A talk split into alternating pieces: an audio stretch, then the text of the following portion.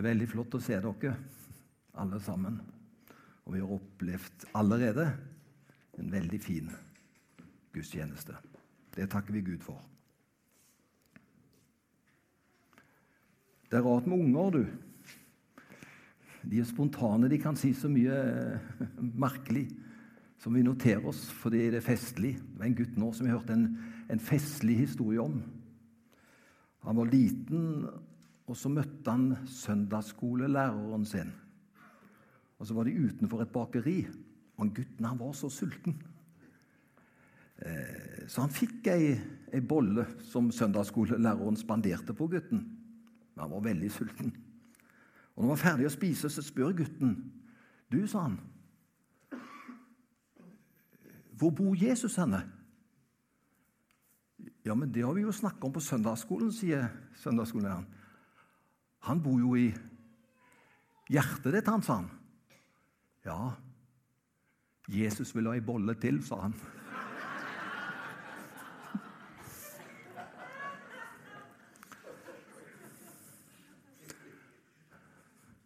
Da skal vi begynne med noe viktigere eller boller.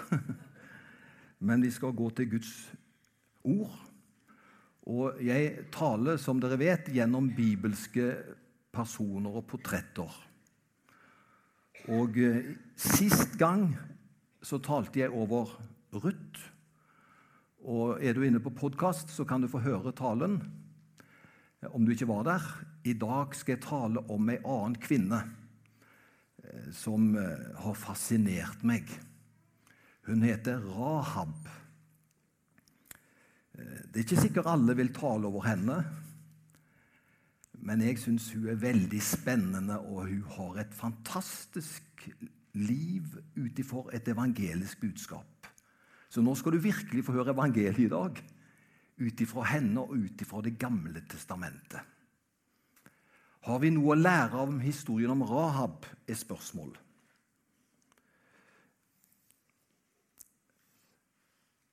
I Bibelselskapet 2011 så står det at hun du vet, den, Vi er blitt så fromme til og med i bibeloversettelser at vi kalte det for Skjøgen Rahab. Det ble liksom litt penere, det. Men i Bibelselskapet så har de fått det med rette navn. Den prostituerte Rahab. Så da skjønner vi settingen.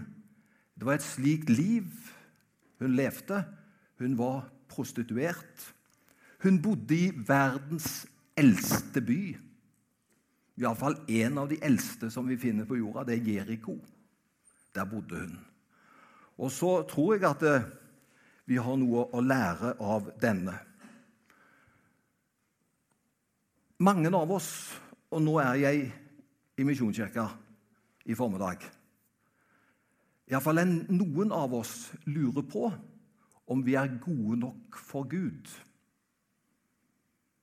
Tenk hvor mange jeg har hørt, nesten som en litt fortvila stønn. Er jeg god nok? Aksepterer Gud meg? Kan jeg bli regna med? Eller faller jeg utenfor det gode selskap? Og Det som gjør at eh, man lurer på om man er god nok, det er at det er lett for oss å sammenligne oss med andre. Jeg kaller det for sammenligningens forbannelse. Jeg. For det er så negativt når vi begynner å sammenligne oss med andre. Vi kommer som regel tapende ut av det sjøl. Noen da i den sammenligningen de snakker ned seg sjøl. De sier at de er ikke noe, får ikke det til, er ikke god nok. Og så er det noen få som snakker opp seg sjøl. Men uansett om du snakker ned deg sjøl, eller om du snakker opp deg sjøl, så tror jeg vi kan bli enige om det i formiddag, at vi er alle sammen like innenfor Gud.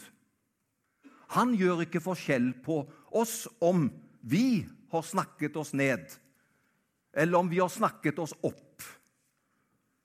Livet, det er slik at Gud han elsker oss alle mennesker like høyt. Og så er det jo ting vi skulle ønske var ugjort. Men uansett så er vi alle sammen like innenfor Gud. Og Derfor håper jeg at når du har vært under talerstolen her Kanskje ikke det én eller to ganger hjelper, men når du har fått gjort det en del ganger, så håper jeg at vi får et åndelig selvbilde som gjør at vi kan se oss akseptert av Gud. Akkurat som den vi er. Vi trenger ikke pynte på oss. Vi trenger ikke liksom gå gjennom seremonier for å bli bedre. Du er elsket høyt av Gud, akkurat slik som du er. Ikke vær for rask til å vurdere andre mennesker. Nå er det jo noen som er veldig flinke med det, altså flinke i positiv betydning. De de er ikke opptatt av andre i det hele tatt. De er rause, de har en sånn holdning at eh, hvordan andre er, det er en sånn holdning at det vedkommer ikke meg, og jeg er i alle fall ikke opptatt av det. Men så kan det være noen en gang imellom som kan falle for fristelsen å vurdere litt andre mennesker. Og Derfor har jeg bare lyst til å si ikke vær for rask når det gjelder å vurdere andre mennesker. Og Da går vi tilbake til historien om Rahab hun som var prostituert. I våre øyne så hadde hun falt dypt. Hun levde av betalt sex. Det høres virkelig ikke bra ut. Hvor dypt kan man falle? Men én ting har livet lært meg, og jeg håper det kan lære oss alle. La oss ikke være for snare til å vurdere mennesker. Vi vet nemlig ikke hvorfor man er kommet dit man er. Det kan være ting langs livet som har gjort at livet har blitt så vanskelig. La oss være forsiktige med å dømme andre. Hva vet jeg om denne kvinnes bakgrunn? Jeg vet veldig lite hvorfor hun var kommet dit i livet.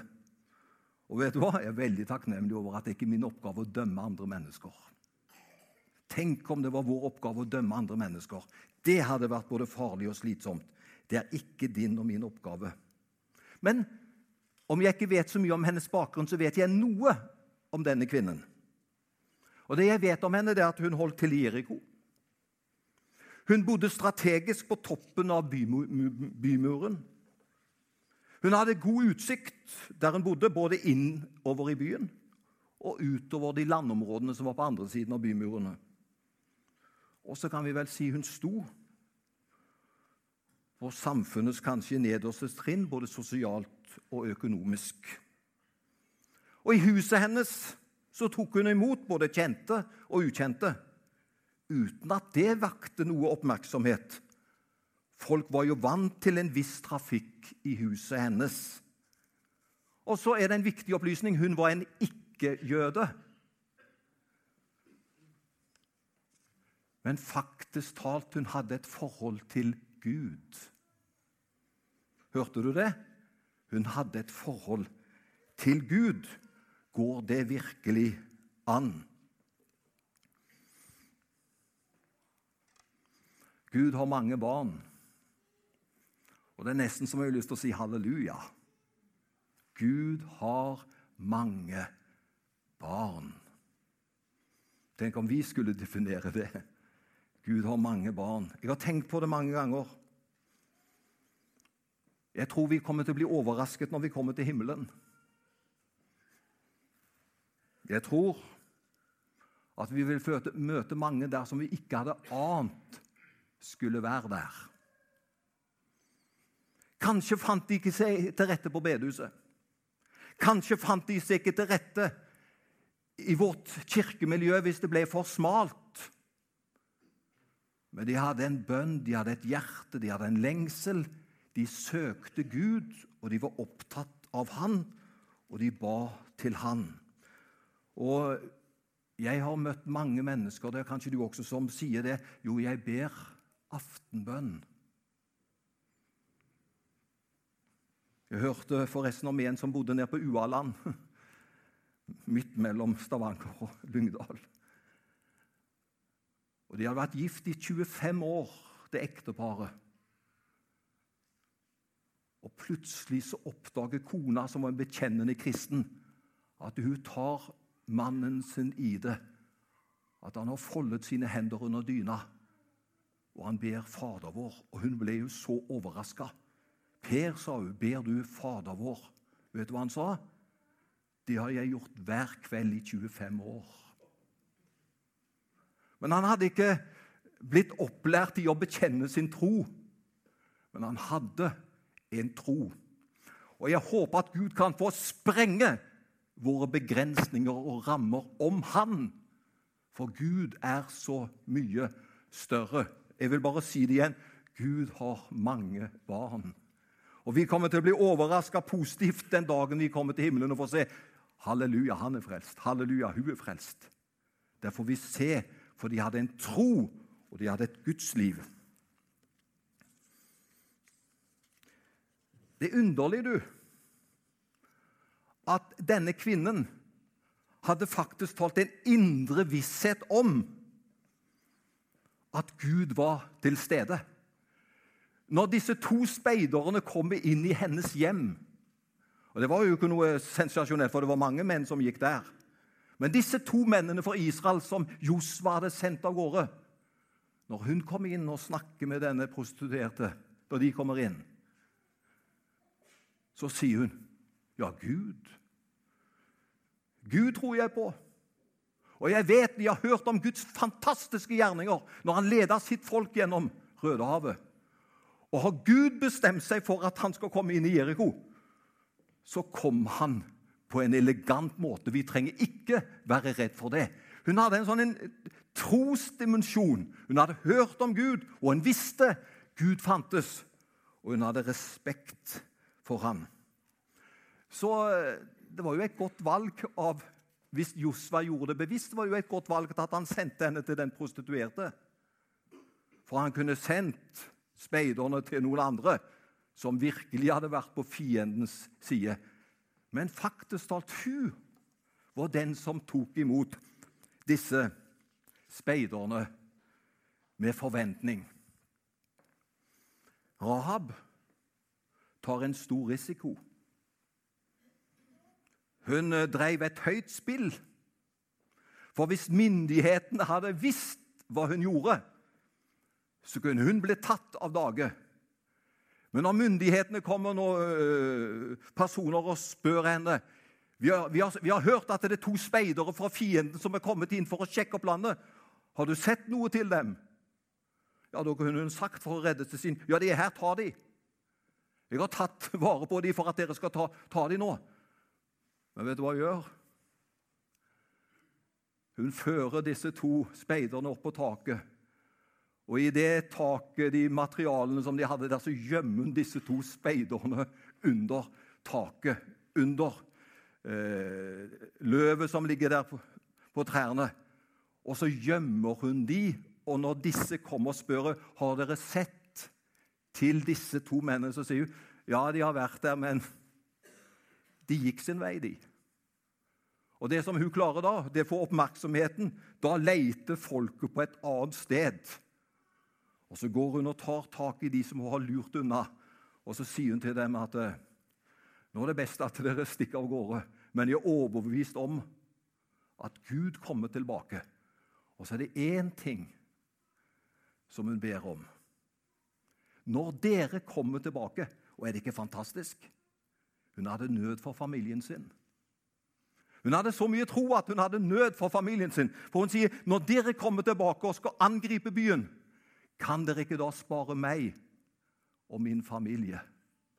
Og da sier de, For det var jo mørke, de, hun ble fira ut av vinduet. Disse her ble fira ut av vinduet. Det var mørkt.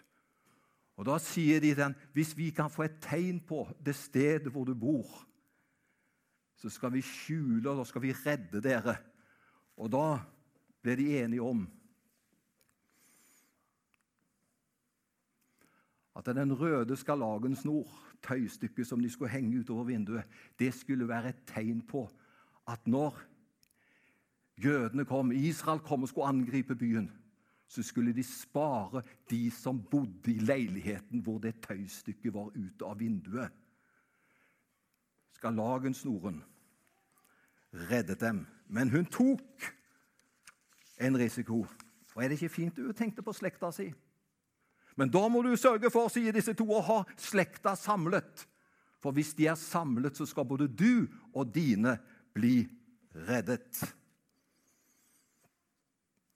I Hebreabrevet kapittel 11, 31, og nå leser jeg, står det I tro ble Rahab, hun som var prostituert, reddet fra å komme sammen med de ulydige. For med fred hadde hun tatt imot dem som kom for å speide ut landet. Rahab og hennes slekt ble reddet. Og nå kommer evangeliets kraft inn i bildet. For dette er mer enn en dramatisk historie. Denne kvinnen, som hadde hørt om Gud, og som var søking mot Gud, hun fikk oppleve evangeliets kraft i sitt liv, selv i Det gamle testamentet. Heldigvis så fikk hun legge bak seg det gamle livet. Og så fikk hun åpne seg for hva Gud hadde for henne i det nye livet. Og Er det ikke det som er fantastisk? da? Gud vil at vi skal legge bak oss vårt gamle liv. Og så er evangeliet så kraftfull at uansett vår bakgrunn, så kan han gjøre noe med det. Vet du hva han gjorde med Rahab? Ja, det er nesten for godt til å være sant, men slik er Gud. Hun ble mammen til han som jeg talte om sist søndag. Da talte jeg om Ruth, vet du. Og Ruth ble gift med Boas. Og han får faktisk da ble sønnen til Rahab, som vi taler om i formiddag. Så hun ble tippoldemor til kong David. Er ikke det, Sprenger det ikke våre forestillinger hvordan Gud er? Hun som hadde en så dårlig løpebane, får et radikalt møte med Gud. Og hun har ingenting i seg selv som redder henne. Det som redder henne, det er den røde skarlagensnoren. Og når den er på huset hennes, og hun tror på at hun skal bli reddet, så blir hun reddet, og så får en et helt nytt liv. Du og vi kan ikke forandre på oss, men det er en som kan forandre oss. Det er en som kan gjøre alle ting nye, og det er Jesus Kristus. Jeg kunne nevnt ferske, sterke eksempler på mennesker som er møtt med evangeliet, og de har blitt forandra. Du klarer det ikke sjøl, for det er, det er, som å løfte deg etter håret. Du klarer det ikke. Men når Jesus kom inn i livet vårt, da blir det en fantastisk forandring. Og mennesker kan se. Tenk hva evangeliet har gjort.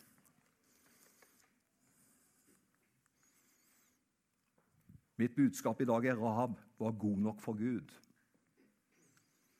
Hun var god nok for Gud.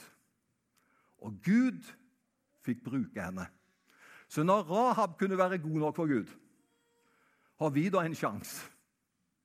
Vi har en sjanse, alle sammen. I Jesus Kristus så er vi gode nok for Gud. Og så ble hun frelst av en rød tråd. Det var det som frelste henne. Og det som frelser oss, det er ikke våre egne gjerninger. Men det som redder oss, det som frelser oss, det var Jesus har gjort for oss. Og så skal jeg avslutte. Nå går vi snart også mot nattvær, så dette passer veldig bra. Den røde tråden som hun firte utenfor vinduet sitt, det var et bilde på at Gud hadde reddet jødefolket i påsken ved at de strøk blod på dørstolpen. Og når Herren så blodet strøket på dørstolpen, så står det Herrens engel gikk forbi det huset, og de som bodde der, ble reddet. Så dette er et sterkt symbol i forhold til den jødiske tro. Det var blodet som reddet dem når de var ute i ørkenen. Men det er enda sterkere enn å se seg tilbake. Den røde tråden den peker helt fram mot Golgata. Og det Jesus gjorde da han døde for oss på korset. Og Det skal vi snart minnes i nattverden. Ingen av oss kan frelse oss sjøl, rettferdiggjøre oss sjøl. Men det var én som gav sitt liv for oss. Han er den røde tråd. Han er frelsestråden, for å bruke et bilde som går gjennom hele Bibelen. Og gjennom det Jesus Kristus har gjort, så er vi reddet for tid og for evighet. Man er frelst gjennom den røde tråd. Og så vil jeg avslutte med det at vi er alle sammen gode nok innenfor Gud. Jeg sa til Arnfinn Klemmensen at jeg skal tale om at eh, der, jeg skulle vært her med boka mi, sa han. For den boka han heter 'God nok'. Men faktisk talt innenfor Jesus Kristus er vi alle sammen gode nok. Det er Rahab et eksempel på. Og så er det hva Jesus har gjort, som er vår redning. Og han kan gjøre alle ting nye. Det som ikke du får til selv i ditt liv, det kan Jesus gripe inn og gjøre et under. For vi er kraftesløse. Vi har masse handikap i vårt liv. Men når Jesus får komme, bryte bånd, komme med sitt evangelium, da er det redning og en ny start for oss alle. Det ble virkelig en start for Rahab. Vi kan få oppleve en start videre i vårt liv, og vi kan få søke Jesus og se han nær oss alle sammen. Jeg har lyst, uh, før vi går over til nattverden, å si noe jeg har tenkt litt på. Når vi nå skal snart ha nattvær, så går vi jo fram slik som vi pleier. Jeg fikk en tanke for et par uker siden som jeg vil Jeg kan si det så enkelt, jeg vil prøve det ut i formiddag. Så ser vi hvordan det gikk, går. Jeg har lyst til å lyse velsignelsen personlig over de som ønsker det. Og Jeg skal ikke ha noen lange bønner. Om du vil si 'kan du også be for det', så skal jeg gjøre det. Men primært så ønsker jeg å lyse velsignelsen over deg. Og så går du på plass igjen etterpå. Det er helt frivillig. Men hvis du ønsker, når du går her og tatt nattverden og skal gå ned igjen, så, så står jeg der. Og jeg skal ikke gjøre noe skremmende, jeg skal kun lyse velsignelsen over deg, hvis du ønsker det. Jeg trenger Guds velsignelse i mitt liv hver dag. Så skal vi lyse den for oss alle sammen til slutt, men det kan være en sånn en personlig hilsen. At det kan være godt i dag ble det lyst velsignelse konkret over mitt liv. Den anledningen skal vi gjøre i kveld, altså, i formiddag. Og så kan det være med at det kan åpne videre også. Ikke sant? Det er veldig naturlig og flott å søke Herren. Og så kan det være noe vi vokser inn i, i takt med Gud. Skal vi be sammen? Vi takker deg, Herre, for ditt nærvær. Takk at denne kvinnen vi har talt om, hun hadde fått hørt om deg, og hun hadde tro på deg. Hun var egentlig forberedt. Og så fikk du, Gud, bruke henne, og du får bruke henne videre i sitt liv. Hjelp oss, Herre, at vi er fullt av evangeliets ånd, og at du får røre ved våre hjerter.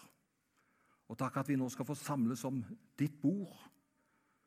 Takk at gavene de er klare for oss alle. Du døde for oss, og vi kan få ta imot brødet og drikke av vinen. Og Vi priser deg for hva du har gjort for oss og vil gjøre for oss. Takk for ditt nærvær. Takk at du er sammen med oss i Jesu Kristi navn. Amen.